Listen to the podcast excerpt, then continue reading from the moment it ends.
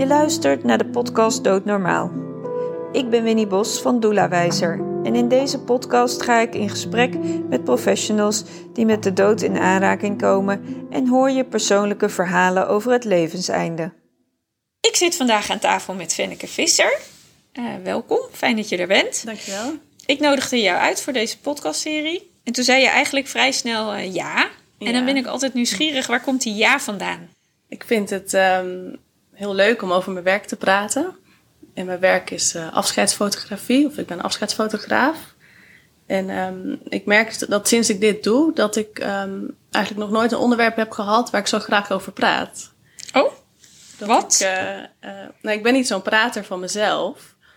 En, maar als ik het hierover heb, of over mijn werk, of wat ik heb meegemaakt, dan, vind ik, ja, dan kan ik daar prima over praten. En dan vind ik dat. Een, ehm, ja, me- mensen vinden het ook interessant om het eh, erover te hebben. Terwijl ook niet iedereen interesse toont daarin, omdat ook niet iedereen het erover wil hebben, over wat ik doe of meegemaakt heb. ja. Maar nu kan dat dus wel. Ja, maar dat is interessant, want het is een onderwerp voor veel mensen de dood die lastig is, eh, omdat het ook wel een definitief onderwerp is. ja. Ehm, en je zegt dan, ik ben geen prater, maar hier praat je dan wel graag over. Wat, wat maakt dat je dan graag over die dood praat? Ja, niet per se over het doodgaan zelf bijvoorbeeld. Want dat maak ik ook niet mee. Ik ben echt ehm, aanwezig bij de uitvaart. Dus bij de. Ja, ik weet ook niet of dat het echte afscheid is of dat het afscheid al eerder plaatsgevonden Mhm. heeft. Ehm, maar ik, vind dat, ik vond het als kind ook al wel interessante dagen om daarbij aanwezig te zijn. Ehm, en soms ben ik ook wel eens bijvoorbeeld bij een opa van een vriendin niet uitgenodigd. En dan, vond ik dat jammer. En, ehm, maar het, zijn gewoon eh, die uitvaarten. En er gebeurt veel en mensen zijn bij elkaar uit liefde. En eh, er is ook verdriet, maar er is, er is ook een glimlach.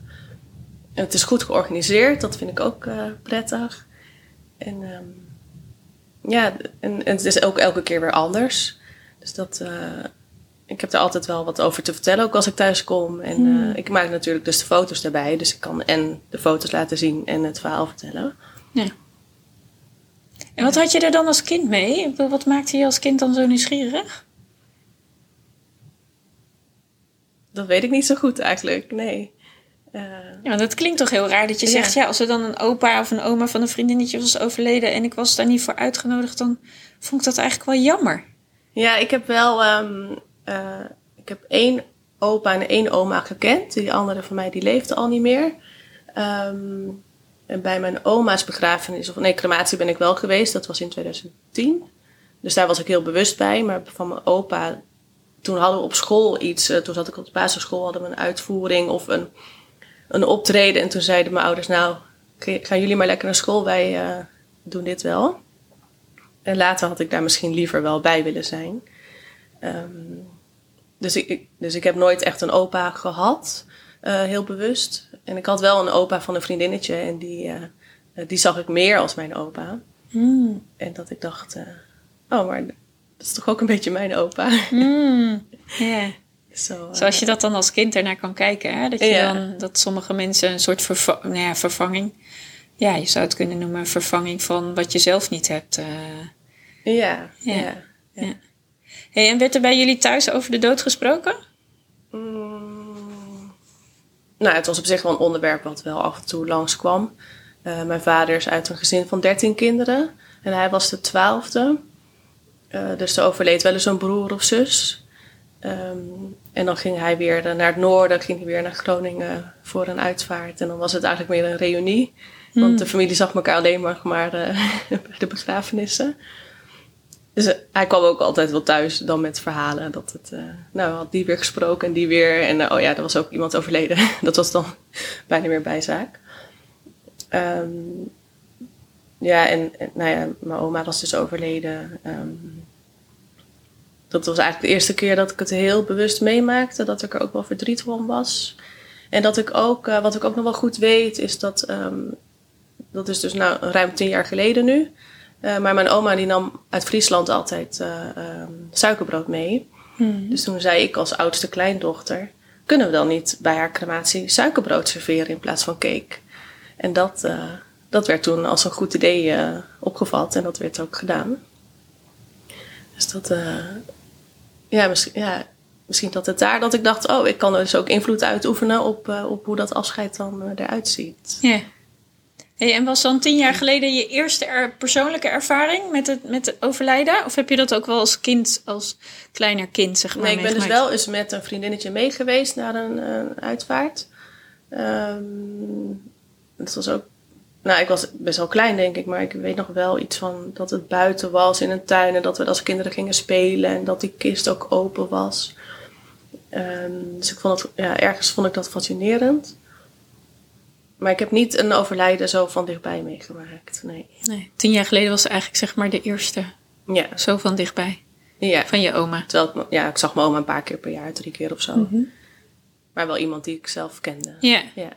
En wat heb je daar, los van dat je uh, ervaarde dat je daar zelf invloed op uit kon oefenen met die suikerbrood, wat heb je daar nog meer voor herinneringen aan? Want toen was je al redelijk op leeftijd, of tenminste bewust. Ja, ik had een gedichtje geschreven, dat had ik op de kist uh, geschreven.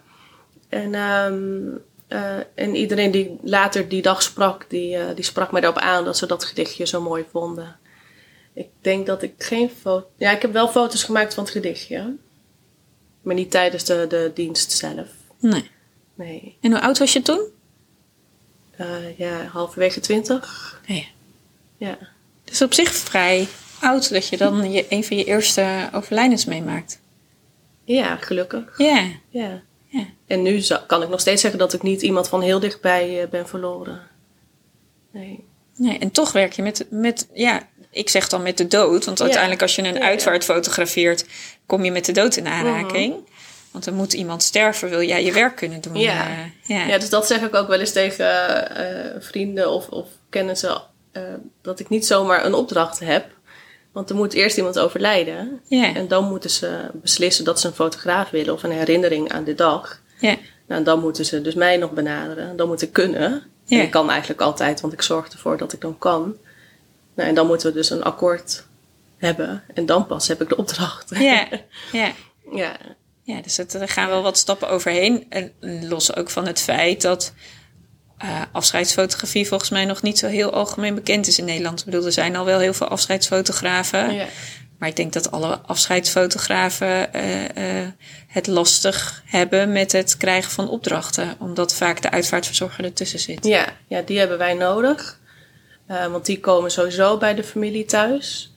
En um, en het is inderdaad, nou, als je een goede uitvaartleider hebt vanuit ons gezien, dan uh, uh, noemen die dat even. Van wil je misschien foto's naar de hand zien? Mm -hmm. Of je moet ook niet per se zeggen, wil je een fotograaf die aanwezig is, maar wil je later er naar terug kunnen kijken. Ja. En, um, en er zijn nog genoeg ja, consumenten, zeg maar, noem ik het even, die, die, die dat niet weten dat dat een optie is of wat dat voor waarde kan hebben achteraf. Ja.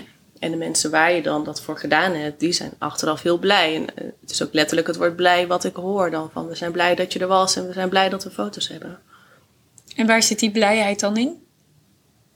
Dat ze uh, terug kunnen kijken naar momenten die ze misschien niet meer zo helder hebben. En als fotograaf loop je ook uh, rond. Dus je ziet ook dingen die de directe familie niet ziet. Want zij lopen vooraan in de stoet of zij zitten vooraan in de banken. En zien niet dat achterin nou ja, dat er een meisje zit te kleuren bijvoorbeeld. Of um, nou ja, er gebeurt veel meer dan dat zij uh, zien.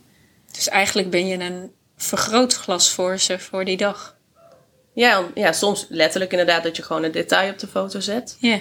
En dat ze denken, oh ja. Of, of dat het veel later dus pas interessant wordt om er naar te kijken. En um, ja, ik, ik, zie het van alle kanten inderdaad. En uh, en tegenwoordig heb je vaak een livestream erbij of dat er een videoopname gemaakt wordt.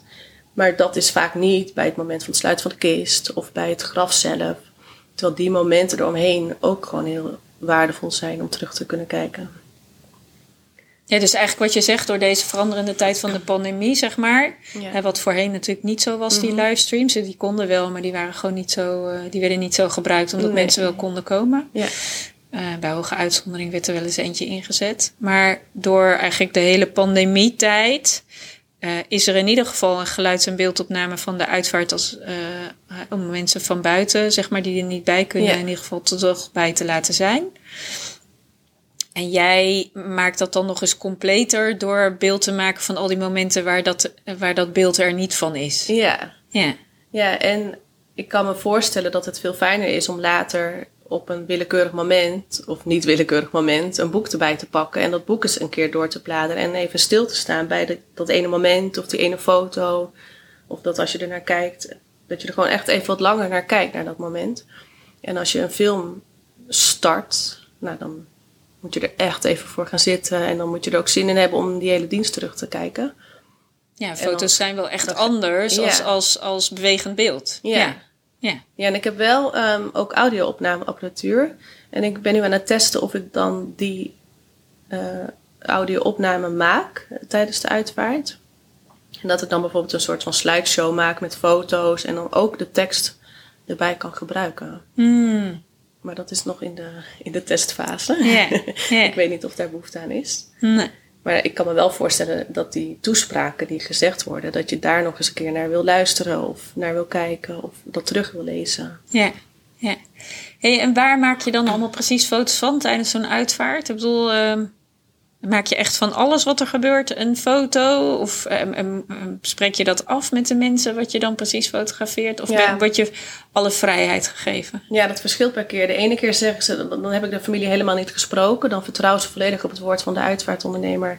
En dan, uh, dan zie ik ze s ochtends pas uh, op de dag van de uitvaart. En dan stel ik me even voor, als het zo uitkomt, soms lukt dat niet eens. En dan is het, nou, we vertrouwen volledig op jouw kunnen en uh, we zien het straks wel wat het geworden is.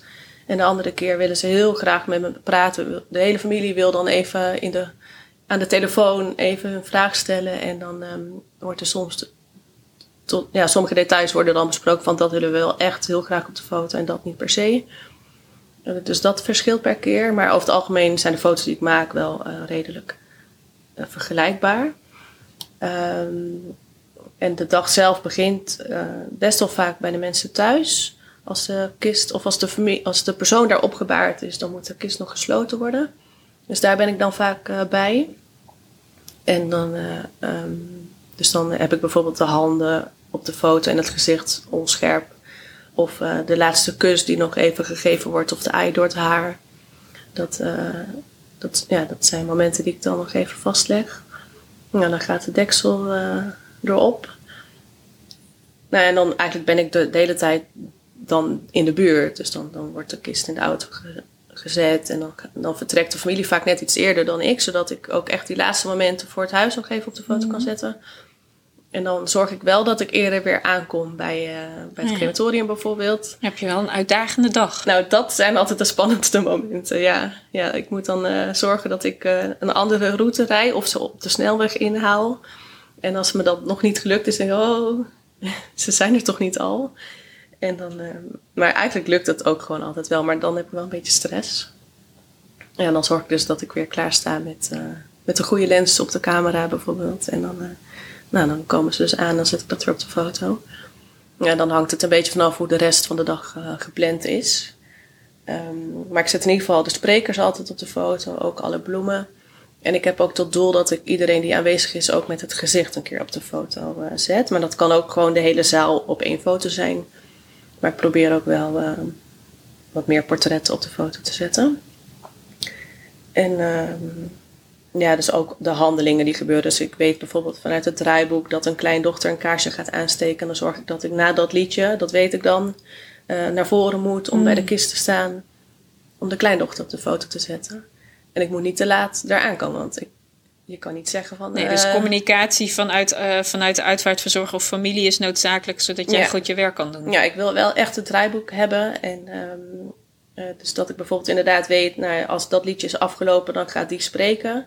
En ik luister ook tijdens de toespraken bijvoorbeeld, als het over iemand gaat die in het publiek zit, over een tante, dan check ik even wie die tante is en dan probeer ik daar mijn aandacht op te richten. Of als ik voel dat er een anekdote in zit waar gelachen gaat worden, wil ik dus het lachende publiek op de foto hebben. ja, dus het vraagt ook wel heel veel aandacht gedurende zo'n dag. Want ik bedoel, leuk, een draaiboek is leuk, maar dat zijn de feiten op papier. Ja.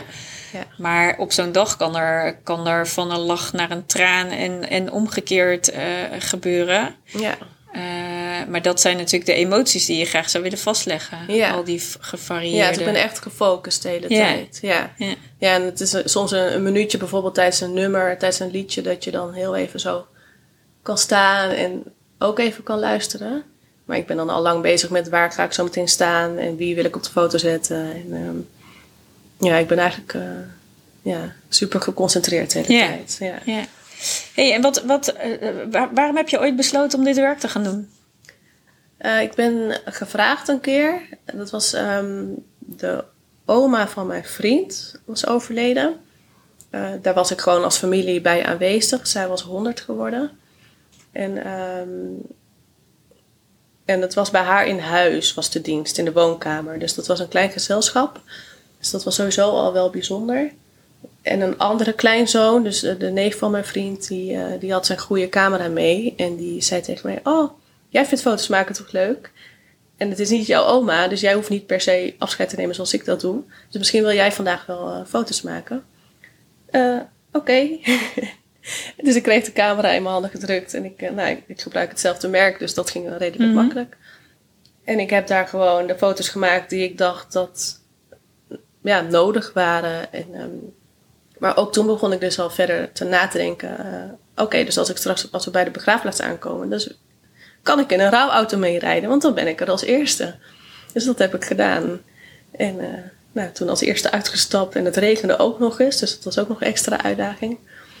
Ehm, maar ik stond gewoon elke keer blijkbaar op de goede plek voor de goede foto's. En ehm, ehm, ik heb acht boeken laten afdrukken, die zijn door de familie eh, ontvangen. En ja, dat was eigenlijk mijn eerste opdracht. Hmm, dus eigenlijk door externe vraag. Niet Ja. zozeer vanuit eigen, Nee. eigen impuls. Nee, dat was 2014. En ehm, nou, toen had ik helemaal niet bedacht dat ik daar misschien wel meer mee wilde.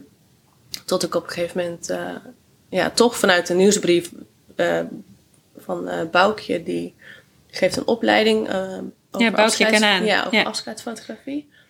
Dus ik had me wel dus blijkbaar aangemeld voor die nieuwsbrief, dus er zat wel iets. En ehm, in die nieuwsbrief stond van, oh in januari start weer de, de opleiding. Ik denk voor het tweede of derde jaar. Maar toen was ik hoogzwanger, dus dat leek me niet zo verstandig om eh, aan een jaartraject te gaan beginnen. Dus dat heb ik weer eh, laten varen. Nou, eerst eh, bevallen, kind grootgebracht. In ieder geval, toen hij dus bijna één was in dat jaar, toen kreeg ik weer een nieuwsbrief met we gaan weer starten in januari. En toen dacht ik, oh, nou, hij is nu bijna één. Eh, ik heb geen verlof meer, dus eh, nou, dit is denk ik wel het goede moment ervoor. Dus toen ben ik een opleiding gaan doen daarin. En dat duurde dus een jaar, of tenminste, je komt één jaar lang elke maand bij elkaar. En daarin kon je dan ook af en toe met Boukje meelopen als, eh, als een soort stagiair, tweede fotograaf. Dus echt ervaring opdoen. Nou, en omdat ik ook websitebouwer ben, kon ik ondertussen aan mijn eigen website bouwen en kon ik ook foto's daarvan dan gebruiken na overleg. En zo, ja, start je dan gewoon. En eh, toen kwamen de opdrachten binnen. Hmm, Ja. hmm, want hoe, hoe vinden mensen je nu? Is dat inderdaad via die uitvaartverzorger of gaat het er ook wel buiten, buitenom? Ja, eigenlijk zijn er drie manieren. Ehm, of ik ken de persoon zelf persoonlijk. Ehm, dus als ik weet dat iemand overleden is, dan wil ik nog wel eens contact opnemen. Van wil je erover nadenken? Eh, soms willen ze het dan wel en soms ook niet. Dus soms krijg ik dan op die manier de, mijn opdracht. Een andere keer dan via mijn website, dat ze me gevonden hebben. Dus dan hebben ze zelf al besloten of bedacht dat ze een Ja. fotograaf zouden willen. Maar de meeste keren eigenlijk toch via de uitvaartleiders. Die mij dan kennen en mijn werk en mijn manier van werken kennen. En dat dan eh, ter sprake brengen bij de familie waar ze zijn. Ja. En dan, eh, nou, En dan ontstaat de rest. ja, Ja. ja. ja. Hey, en is er dan ook een bepaalde regio waar je werkt? Ik bedoel, eh, ik kan me voorstellen dat je niet van Groningen naar Maastricht kunt reizen. Nee, Eh, want dan wordt het nog wel een enorme uitdaging. Ja, Ja. het zou natuurlijk kunnen als je dat leuk vindt. Ik bedoel, eh, ontdek je plekje in Nederland, Ja. kan het dan worden. nou ja, ik, ik, zou het, ik zou het er wel voor over hebben op zich. Maar ik woon in de buurt van Arnhem. En ik kom uit Zeist. Dus de, en daar heb ik nog steeds veel contacten. Daar heb ik ook nog werk. Dus zeg maar midden-Nederland, eh, Oost-Nederland Hmm. is in mijn regio. Maar laatst was ik in Tilburg. Maar dat was dan voor een meisje van 16 maanden. En dan, die was overleden. Dus dan ga ik echt met alle liefde, stap ik dan om 7 uur in de auto om daar op tijd te zijn. En ehm, eh, ja, dan is het gewoon een lange dag. Maar ja, wat is dat dan in vergelijking met hun verlies en verdriet? Dan Ja. vind ik dat niet zo interessant. Eh, en Rotterdam of Den Haag kom ik ook wel eens, omdat ik daar dan bijvoorbeeld weer familie heb wonen die mij dan vragen. En dan, eh, ja, dus een beetje zo die band. Midden, midden, Ja. Ne- midden-Nederland, Ja. zeg maar. Ja. Ja. ja. Ja. Want ik kan me voorstellen dat dat ook werk is wat gewoon heel met pieken en dalen gaat. Ik bedoel, eh, je zal dit vast niet iedere week doen. Of misschien ook wel, weet ik niet. Ja, sommige periodes wel inderdaad. Dan, eh, of ik heb ook wel eens twee dagen achter elkaar een uitvaart gehad. Ehm, maar gemiddeld zou ik er één per week eh, kunnen doen. Eh, ja, ik ben ook gewoon zodra ik gebeld word ervoor, ben ik al in een soort van concentratie of een soort regelmodus, omdat ik me gewoon goed wil voorbereiden. En dan daarna moet je natuurlijk de foto's eh, bewerken en eh, een boekje maken. Ja. Het liefst breng ik ook het boekje dan langs bij de mensen. Ja, hoe gaat dat proces van dat boekje maken? Hoe, eh, wat, wat, wat, wat doe je er precies mee met al je foto's? Ja, nou, ik maak wel een eh, paar honderd foto's. Eh, al met al, zeker nu ik een stille camera heb die niet meer klikt, eh, kan ik Ah. ongemerkt wat meer foto's maken. Dus ik maak er nu echt best wel veel. Ehm, dus ik ga eerst selecteren, zodat de familie er niet al te veel te zien krijgt. Om, ja, gewoon de slechte eruit. En dan, ehm, wat ik nu steeds vaker doe, is dan maak ik een online galerij aan. En dan eh, hangt er een beetje vanaf of ze een groot album gekozen hebben of een klein boekje. En dan zeg ik, nou kies maar 30 foto's uit. En dan ga ik die nog even wat beter bewerken. En die komen dan in een boekje. En dan eh, de opzet daarvan, die stuur ik nog in pdf toe. Dan vind je het goed zo. En soms wordt, ja, gaan we nog vijf keer heen en weer. Van die foto daar of die wat groter. Want ik vind het wel belangrijk dat de familie echt helemaal tevreden is met eh, hoe het wordt. Want zij moeten er naar kijken. Het is, ja, ik wil dat zij eh, tevreden zijn. Ja. En dan bestel ik het. En ehm, ehm, ja, het, het liefst breng ik dus het boekje dus ook langs. Zodat ik hun gewoon weer even kan zien. Maar ook hun reactie zie. En we kunnen het er weer even over hebben. En ik vind het niet zo'n fijn idee dat het boekje per post zou moeten gaan. Dat, eh, en soms zit er ook een USB-stick bij met de foto's. Dus ik, ja, ik vind dat gewoon fijn om even langs te brengen. En daarom vind ik ook mijn regio wel prettig dat het een beetje in de buurt is. Dat je gewoon makkelijker even langs kan. En, eh, Ja. ja. Hey, en je noemde net, ik heb een stille camera. Dus waarschijnlijk benoem je iets wat als irritant werd ervaren door mensen. Nou, niet zozeer door de mensen die daar zijn, maar meer door mezelf. Dat ik me Oh. dan eh, beperkt voelde. Hmm. Ehm, maar het kan zijn dat iemand die eh, niet zo dichtbij staat, een beetje om zich heen zit te kijken en denkt: Oh, even kijken wat er allemaal gebeurt. En dat ik daar dan loop en ook nog aan het klikken ben. En ik heb wel eens uitvaartleiders gehoord die zeggen: Nou, als ik een fotograaf heb die klikt, die moet ik niet. Dus ehm, ja, je hebt niet meteen geld natuurlijk voor een nieuwe camera. Nee. Maar toen deze op de markt kwam, dacht ik, die wil ik. En mijn eigen lenzen konden er ook op. Dus dat is prettig. En ehm, ja, nu ben ik gewoon eigenlijk helemaal stil als ik aanwezig ben. Ja, dus het geeft je dan ook vrijheid van werken, kan ik me zo Ja. voorstellen. Want niemand Ja. heeft in de gaten wanneer jij nu een foto neemt. Nee, nee, anders moest ik even wachten bijvoorbeeld tot iemand ging praten. Dan dus niet tussen de woorden in, maar tijdens het woord dat je dan klikt. Of tijdens de muziekstukken fotografeerde ik vaak wat meer. En bij een graf bijvoorbeeld is het wat minder van belang, want dan heb je gewoon omgevingsgeluid en je bent wat verder weg van de mensen. Ehm, ja, nee, dus ik ben heel blij dat ik deze heb. En, eh, en hij stelt ook goed scherp. Dus ik- ja, ik ben gewoon heel tevreden met de foto's die eruit komen. En heeft dat dan, je noemt het eigenlijk al wel een beetje, maar het heeft je manier van werken dus ook veranderd doordat je nu dus een stille camera hebt. Ja, eh, ja wat jij zei, ja, dat ik wat vrijer eh, ben. Ja. Dus dat mensen inderdaad minder in de gaten hebben wanneer ik die foto maak. En dus ook minder daar zich wat van aantrekken. Of in ieder geval zich minder... Ja, ik kan me voorstellen dat als, je, als mensen niet in de gaten hebben wanneer je een foto maakt, dat dat ook een heel ander resultaat in je foto's geeft. Ja, als mensen zich er bewuster van zijn, dan gaan ze zich misschien anders gedragen. Ja. Of, ehm, en, nu, en nu zien ze me wel eens. Want ik loop wel eens naar voren, maar ik loop ook weer terug. En dan zien ze me niet meer. En dan horen ze dus ook niet inderdaad eh, Nee. of ik nou daadwerkelijk een foto heb gemaakt. ja, precies. Ja. Ja, dus Ja. Ik, ja, ik ben heel blij daarmee. Ja. Ja. Hey, en wat, wat, doet het werk met jou? Want ik kan me voorstellen dat je bent op een, uh, een kwetsbaar moment van mensen in hun leven. Voor echt even een, een dag. Ja. Eigenlijk, hè? Of nou ja, een, een, klein beetje meer dan een dag als je het hele proces zeg maar uh, meeneemt. Wat, wat, wat, doet het met jou om zo, zo in de buurt van die dood dan... Ja, in de dagen, want jij, jij, jouw werk is specifiek gericht op de dagen nadat het overlijden is geweest. En echt dat het definitieve afscheid er is. Of dat in ieder geval het definitieve afscheid van het lichaam. Ja. Een definitieve afscheid is er natuurlijk nooit. Je blijft altijd verbonden, althans dat geloof ik. Maar wat, wat, ik kan me voorstellen dat het ook iets met jou doet, wat dit werk. Wat, Ja. wat doet het met je? Nou, zeker met, eh, met, eh, met als kinderen overleden zijn, dan. eh, nou, dus twee weken terug was het een meisje van 16 maanden was overleden. Ehm, en ik heb wel eens gezegd, ik wil nooit bij kinderen zijn die net zo oud zijn als mijn kinderen. Want ik heb een kind van anderhalf en van vijf.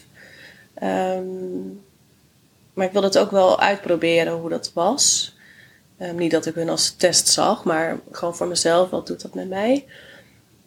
Maar juist doordat mijn kinderen zo jong zijn, eh, wilde ik me inleven in hoe het voor hun, hun moest zijn. En kon ik me voorstellen wat voor foto's zij wilden hebben.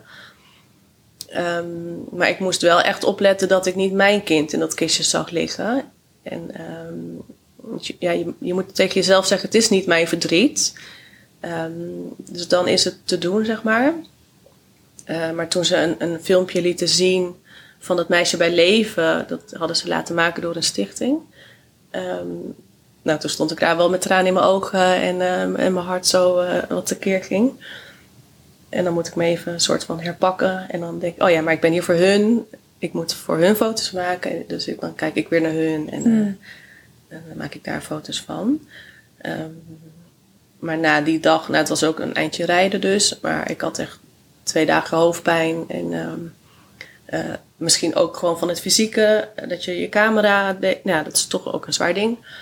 Ja, maar je hebt ook ja, spanningsopbouw. Want je wil het gewoon zo goed doen. Het is gewoon iets wat gewoon niet over kan. En je moet, ja, je moet Ja, je hebt eigenlijk, op ja, die dag. ja, je hebt eigenlijk wel een uitvaartverzorger. Heb. Je doet dit één keer en je kan het niet herhalen. Dus het, Nee. het moet ook in één keer wel geschoten en vastgelegd worden. Ja, ja. En dat kun je natuurlijk met die druk op je schouders ben je altijd je werk aan het doen, kan ik me zo voorstellen. Ja, ja, ja. Dus ja, wat ik al eerder zei, van je bent gewoon continu gefocust. Ja. En je voelt gewoon dat iedereen daar in de zaal verdriet heeft of aan het huilen is of ook aan het lachen is, dat dus ook. Ehm, en dan zeker als ik dan van de week ook voor, of ja, van de week was ik s'avonds, dacht ik ook, ik heb nog even een uurtje tijd.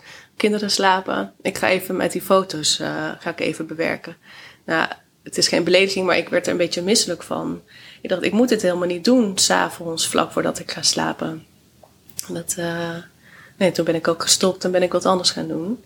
Ik kan dat beter eh, s ochtends gaan doen. Ja, dus je wordt geraakt door wat je zelf ook ziet, omdat het soms heel dichtbij komt. Ja. Ja. Ja. maar volgens mij is je verdriet ook iets wat je associeert met je eigen leven. Tuurlijk. Soms is er ook bijvoorbeeld een, een, een, een moeder overleden van de leeftijd van mijn moeder of mijn schoonmoeder. En dan moet ik er ook voor waken dat ik niet aan hun denk op dat moment. Ja. Want wat daar gezegd werd, had ook over mijn moeder kunnen gaan bijvoorbeeld. Ja. Maar die leeft nog, dus dan ja, moet je dat scheiden. Ja, dus dat is wel interessant, hè? Dus zodra we eigenlijk zeg maar met de dood in aanraking komen en het kan vergeleken worden met ons eigen leven, Ja, dan komt het ineens heel dichtbij. ja, En dan moeten we eh, onszelf. eh, en dat is ook logisch, denk ik, hè? Want ik bedoel, dan komt het ineens heel dichtbij dat het jouw moeder of je schoonmoeder of je, of je eigen kind had kunnen zijn, Ja. bij wijze van spreken. Ehm, en dat, dat, dat raakt je dan. ja. Ja. Maar dat helpt me denk ik ook wel. Door dan juist, doordat ik me in kan leven, die foto's kan maken die ik zou willen. Ja, het geeft je scherpte. Dat is het woord dat een beetje bij mij opkomt. Een scherpte in een soort. Een, scherpte in het beeld wat je dan wil creëren. Ja, in ieder geval dat ik dus me voor kan stellen wat voor foto ik fijn zou vinden om naar Ja. te kijken. Ja, ja want je, jij, jij maakt natuurlijk de foto's vanuit het perspectief hoe jij het Ja, voor tuurlijk. jezelf ook Ja. graag wel eh, zelf terug zou willen Ja. zien. Ja. Ja. Is er een verschil tussen eh, cremeren en begraven? Om vast te leggen, Ja? vind ik wel. Ja? Ja, ik Wat vind, is het ehm, verschil? een begrafenis vind ik mooier om vast te leggen. Hmm. Want dan, ehm, eh, nou, dan heb je weer even zo'n momentje. Iedereen doet even zijn jas aan en we gaan naar buiten. En dan ehm, nou, heeft iedereen ook even een minuutje of twee om even stil te zijn. En dan ehm, nou, wordt er bij het graf nog wat gezegd. En dan kan iedereen langslopen en dan of een, een gebaar of een rozenblaadjes of zand eh, nog strooien. En ik leg dat allemaal vast. Zeg maar ik wil dan ook nog even iedereen die daar is, ehm, dan kan ik die ook mooi op het gezicht nog even vastleggen. Ja. Bij een van mijn eerdere uitvaarten eh, was ik heel erg gefocust op het schepje en het handje, de hand met het schepje en het zand, dat dat maar goed scherp was. En toen kreeg ik commentaar, ja, maar ik weet helemaal niet van wie die hand is. Ik wil toch zien wie dat doet en hoe die daarbij eh, bij kijkt. Dus dat eh, doe ik niet meer. Ik doe nu gewoon de persoon die, die langsloopt. En, ehm, maar wat bijvoorbeeld ook heel mooi is, nou, of in ieder geval de, de kist laten ze dan nog zakken. Dus bijvoorbeeld met touwen, dat is ook heel mooi om nog eh, eh, terug te zien. Het is ook echt zo'n moment. En, ehm, en dan dat de, directe familie nog met z'n allen om elkaar, eh, ja, om het graf heen staat en elkaar goed vastpakt en eh, nog even zwaait. Of, nou ja, dat zijn gewoon ook hele intieme momenten. En ehm, eh, ik ben ook altijd wel blij dat het dan buiten is. Een beetje frisse lucht erbij of zo. Dat, maar soms ook weer een zonnetje dat het dan net doorkomt. Of soms regent het gewoon. Vorige week was tijdens de hele dienst regende het keihard. Ik dacht, oh, hoe moet dat straks? En toen we naar buiten gingen, scheen de zon. Ja, dus je krijgt eigenlijk ook meer van, de, eh, eh, van het weer van die dag mee als je, als je de combinatie hebt met begraven. Ja, want soms eh, hoor ik wel eens, oh, de zon scheen gewoon die dag. Dat hadden we helemaal niet door. Dan, Ja, want als je een crematie hebt, dan zit je natuurlijk in die aula. En ja, als de aula niet al te veel ramen heeft, wat in sommige locaties het geval is. Ja. Ja, dan heb je natuurlijk helemaal geen bewustzijn van, van wat er buiten. Nee, in de, in de overruimte waar de familie soms wel mee naartoe gaat. Ga je daar dan ook mee naartoe? Ja, heel soms dus wel. Soms niet. Dan zeggen ze, nou, tot hier was het eigenlijk wel prima. Wij gaan zelf nog even dit doen. Ehm, en soms ben ik er wel bij. Of dan zegt de uitvaartleider op een gegeven moment... Oké, nu kan je wel gaan. Laat ze nu echt maar even alleen. Eh, of, het, of het is heel duidelijk afgesproken dat ik er gewoon helemaal tot het eind bij ben.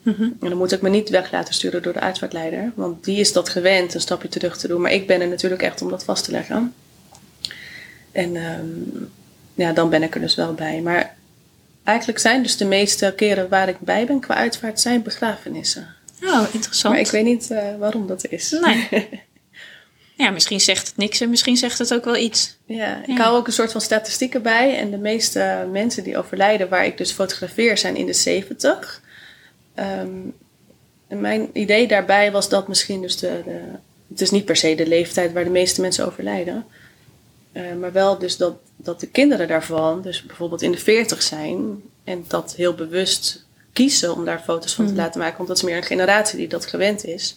En er zijn vaak ook kleinkinderen bij die nog te jong zijn om het echt Ja. bewust mee te maken. Dus dan ben je voor meerdere generaties eh, ja, daar aanwezig. Dus, dus in jouw praktijk, zeg maar, in, je, in jouw werk wat je doet, zie je een soort trend.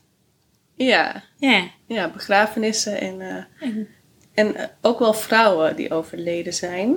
Oké. Ehm, en wat dus wel eens gebeurt, is dat, of nou ja, best wel vaak, is dat, die, dat dat stel dus van in de 70 in een groot huis woont. En dan is die man die dus achterblijft. Dan ben ik me aan het voorstellen hoe hij dan na die uitvaart dan in zijn eentje in dat grote huis thuis komt. Hoe dat dan moet zijn. Mhm. En dan, eh, ja, dan kom ik later dus wel eens langs om het boekje te brengen. Of dan is er nog wel een zoon bijvoorbeeld die er dan ook bij is. En daar heb ik er altijd zo mee te doen dan. Ja. Ja, voor die man verandert er echt rigoureus iets in zijn leven als hij dan weer in zo'n groot Ja. huis woont. Ja. Ja.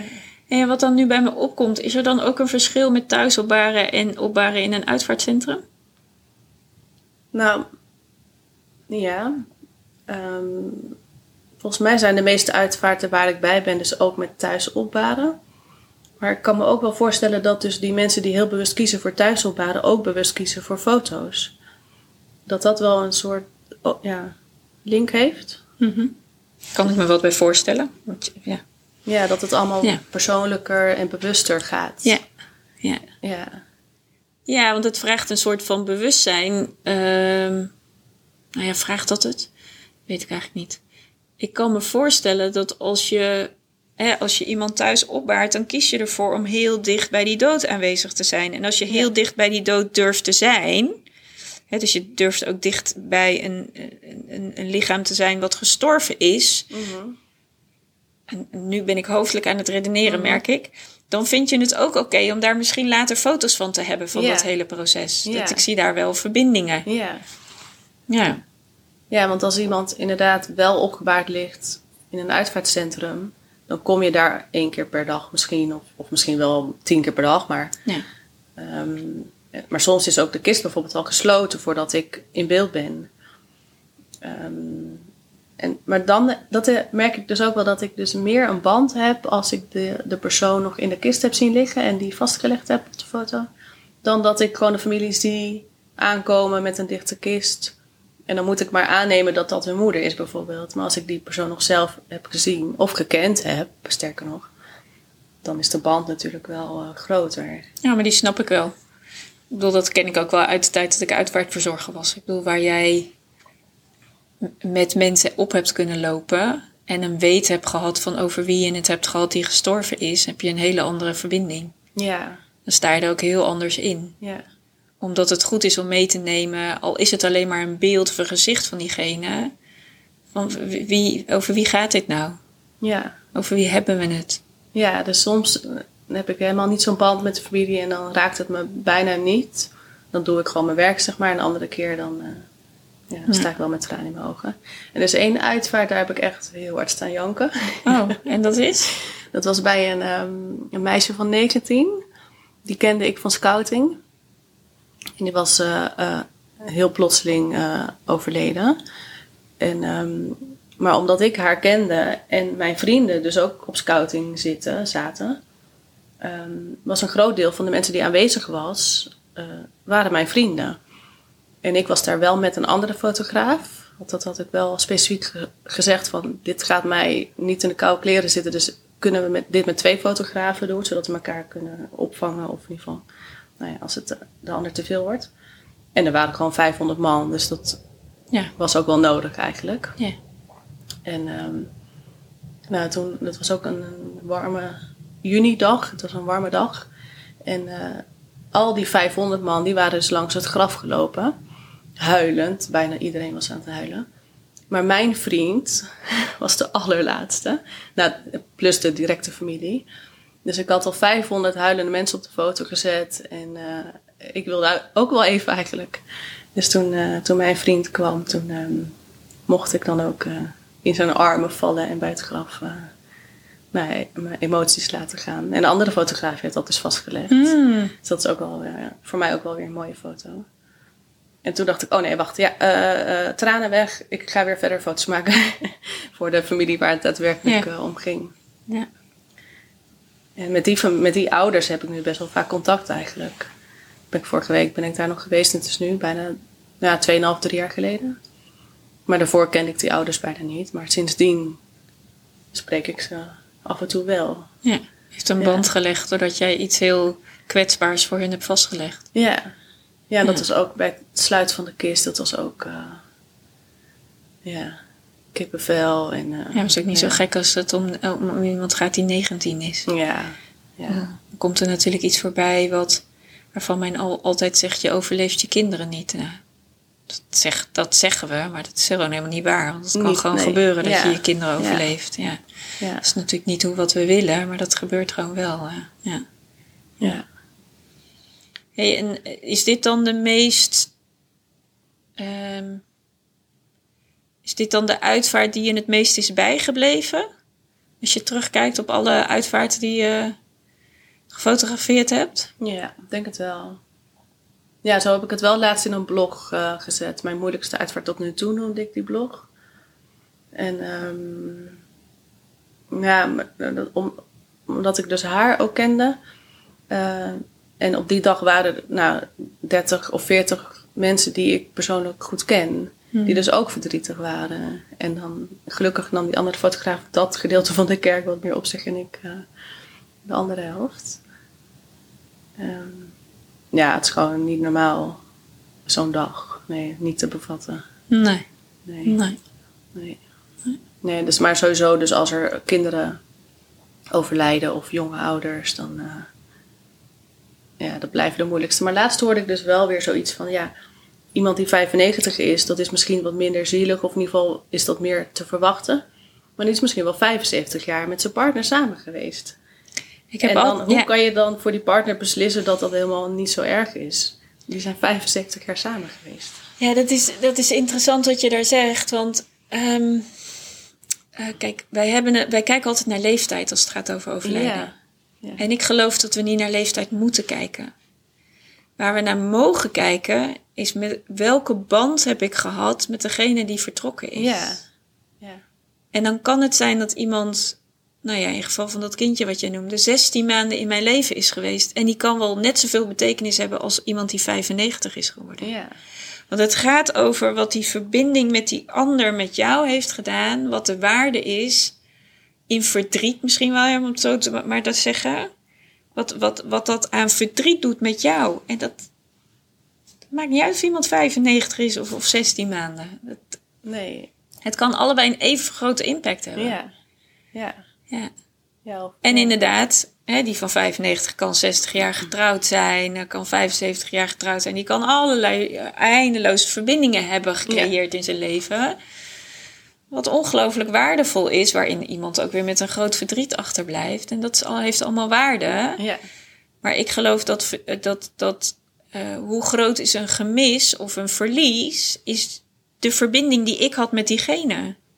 Wat had dat voor impact in mijn leven? En wat Ja. heeft dat voor betekenis gehad? En daar kan ik, ja, daar kan ik eh, twee jaar voor nodig hebben gehad en een mega impact eh, in mezelf hebben.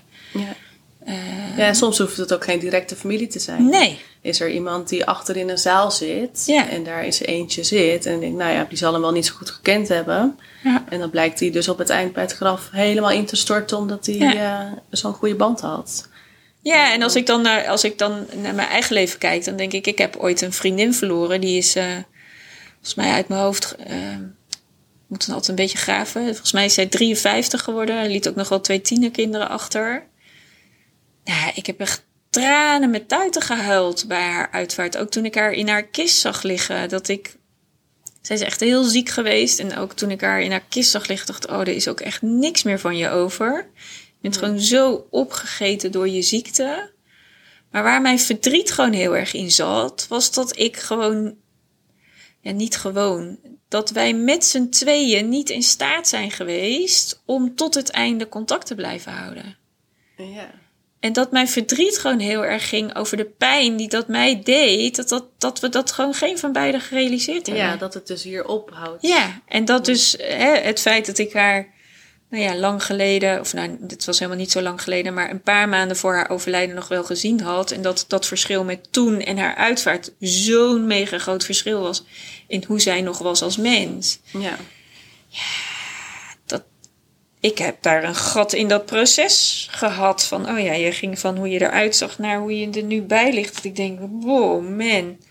Wat een tijd heb jij nog gehad met jezelf en met je gezin. En, en dat, dat raakt mij dan ergens. En dan, ja, wat is dat dan? Ja, dat weet ik ook niet. Maar dat, dat, ja, dat doet pijn. Ja. Dan denk ik, ja. Hoe lang zijn we vrienden geweest? Ik bedoel, het is niet dat ik haar al kende van, eh, vanaf dat, ik klein kind was. hebt, of, maar we eh, hadden wel een bijzondere band met elkaar en dat deed mij iets. Ja, en toen zij, toen zij vertrok, vond ik dat echt, dat ja, deed me echt pijn. Dus, het, dus dat, dat leeftijdsgebonden kijken, wat is erg en wat is niet erg, dat, ja, Nee. klopt ook Nee. niet. Nee. Nee. Nee. En wat denk jij dat de ontwikkeling gaat zijn van, eh, van de afscheidsfotografie? Want het bestaat nu. Nou, hoe lang bestaat het nu? Ja, ja echt vroeger eh, werden er ook eh, postmortem foto's gemaakt van overleden mensen. Maar volgens mij is dat door de oorlog, werd de Tweede Wereldoorlog, werd de dood echt een taboe. En was het meer van, oké, we moeten wederopbouwen, we moeten weer aan het land werken. En ehm, we vergeten het weer.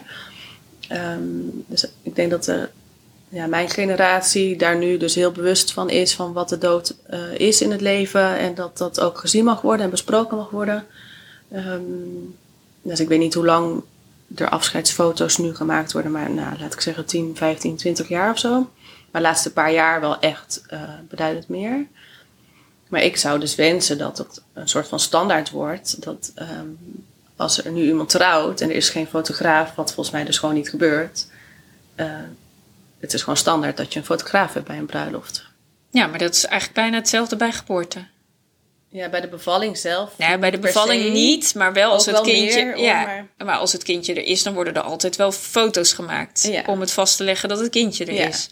Ja, en, en, mijn wens of mijn missie is dus dat dat bij een uitvaart ook gewoon normaal wordt. Dat je dan denkt, huh, er is helemaal geen fotograaf. Hoe kan dat nou? Dat, het, uh, dat je dus. Maar tot die tijd moet het eigenlijk meer een soort van bewustwording zijn dat je de keus krijgt of kunt, bewust kunt maken van we willen wel of geen foto's hiervan. We willen wel of niet er naar terug kunnen kijken. Um, dus de eerste bewustwording zeg maar de eerste stap.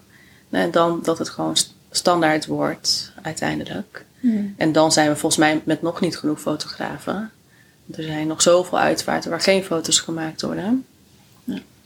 Uh, dus ik zie de huidige, of de, mijn collega's, zeg maar, de afscheidsfotografen ook niet als concurrent omdat we met z'n allen er juist alleen maar voor zorgen dat het bekender wordt. Ja. Zodat mensen er gebruik van, ja, gebruik van kunnen maken. Ja. Ja. want de enige manier om het uiteindelijk ook tot uitvoering te brengen is dat er mensen zijn die het kunnen doen. Ja. Ja. ja. Ja, Hey, en, en hoe is dan, uh, want ik weet dat jij ook babyfotografie maakt. Wat is dan het verschil met een uitvaart fotograferen of een baby fotograferen? Ik bedoel, los van dat het leven en dood is. Ja. Um, nou, voor mij heel praktisch dat uh, een uitvaart is gewoon op die dag. Dus op die dag moet je op tijd je bed uit. En je moet, in, niet in de, nou ja, je moet er gewoon op tijd zijn. En je, op die dag vindt het plaats. En bij een babytje kan ik nog eens zeggen. Um, ik ben vandaag, ik voel me niet zo lekker. Of ik heb echt een rotnacht gehad. Kan het ook morgen. En dan kan het ook meestal. Weet je. Dus dat is voor mijn eigen gemoed. Of voor mijn rust is het uh, wat relaxter. Mm -hmm. En ik kom daar gewoon bij een gezinnetje thuis. En dan uh, gaat het meestal allemaal goed. En uh, je, je laat ze wat lachen. Of je, nou ja, je zet iets.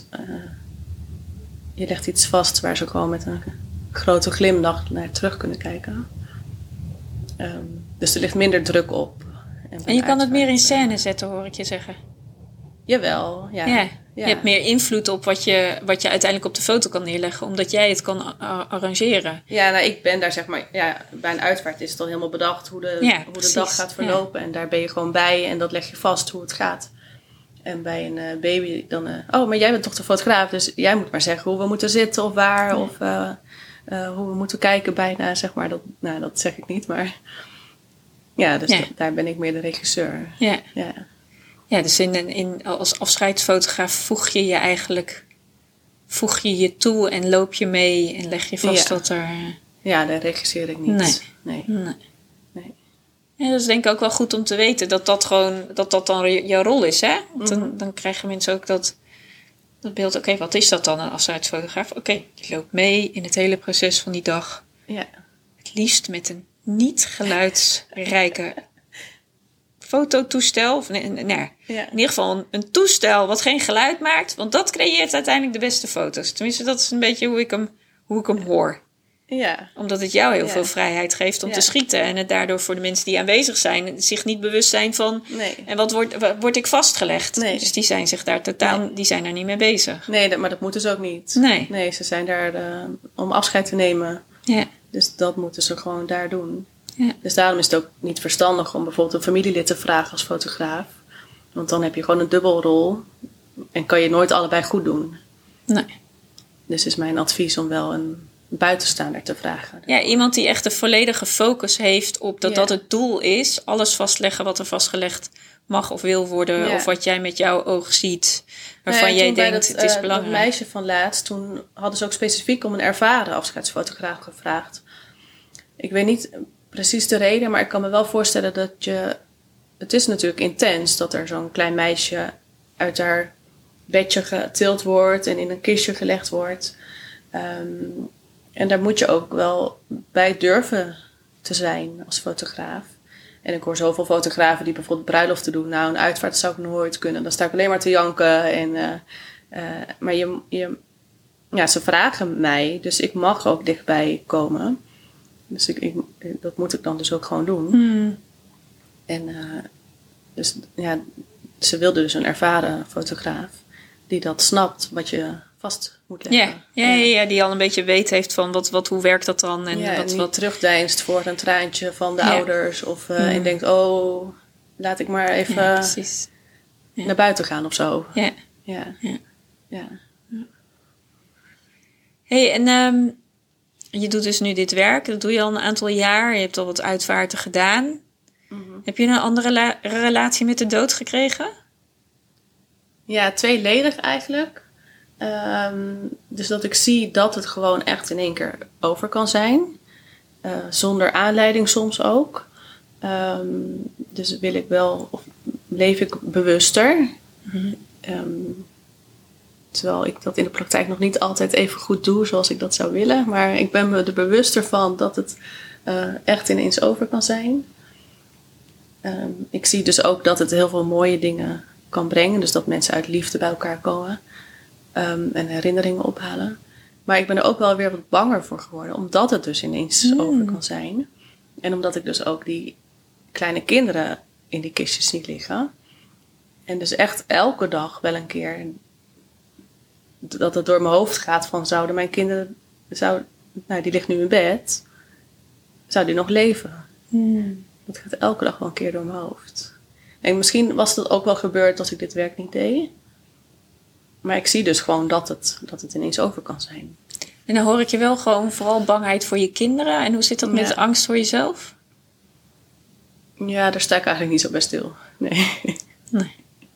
Nee, ik weet niet hoe ik dood zou gaan of wanneer. Of, eh, eh, maar ik zou het niet leuk vinden als het nu gebeurt richting mijn kinderen. Hmm. Nee, ik, ik heb het wel het voornemen om eh, richting de 100 te worden of zo. Dat, Ja, ja. Ja. ja. mooi. Ja, maar het, het maakt je dus wel, het geeft je meer bewustzijn in je leven. Dat, Ja. Ja. Ja. En ja, dat we dat dan ook niet allemaal uitvoeren. We zijn ook gewoon mens, toch? Ja, ik bedoel, een mens kan toch niet alles perfect doen eh, als perfectie al bestaat. Dus ja, dat je dat niet, Nee. dat je niet dat altijd tot uitvoer brengt. Maar het maakt je, ik denk dat je wel veel meer, als je bepaalde dingen wenst of wil, niet meer zo van het uitstelgedrag Nee, bent als nee, dat dat voorheen was. Dat, dat, dat vooral het grote verschil, denk ja, ik, is gewoon, eh, geworden. doen en niet te lang over nadenken. Ja. En, eh, Ja. Als ik een plan heb, een nieuw fotoproject, dan zet ik het gewoon in de wereld en dan zie ik wel hoe het zich ontwikkelt. Ja. Eh, want anders lukt het misschien helemaal niet. Nee. Ja. Nee, dus, je hebt, eh, dus, dus hoor ik je daarmee dan ook zeggen dat je wat meer durf hebt gekregen voor bepaalde dingen? Dat dat ook een stukje bewustzijn is? Dat je gewoon maar dingen denkt van heb ik een plan en het voelt goed, dan ga ik het maar gewoon doen en dan zie ik wel. eh, dan zie ik ja, wel. misschien deed ik dat daarvoor ook wel. Maar ja, dat, het zit wel in me in ieder geval dat ik inderdaad, eh, als ik een plan heb, niet te veel overleggen en gewoon doen. Ja, Ja. nou, is wel een mooie, mooie opbrengst. Doe je iets voor je werk en uiteindelijk geeft het je in, het leven, in je leven ook nog iets terug. ja, als je het toch? zo bekijkt wel. Ja. ja. Ja, ja. mooi. Lijkt me een mooie afsluiting. Je hebt geluisterd naar de podcast Doodnormaal. Mijn missie is om het levenseinde doodnormaal te maken. Iedere vrijdag staat er een nieuwe podcast voor je klaar. Volgende week spreek ik met Vatos Ipek over het verlies van haar moeder en interculturele palliatieve zorg.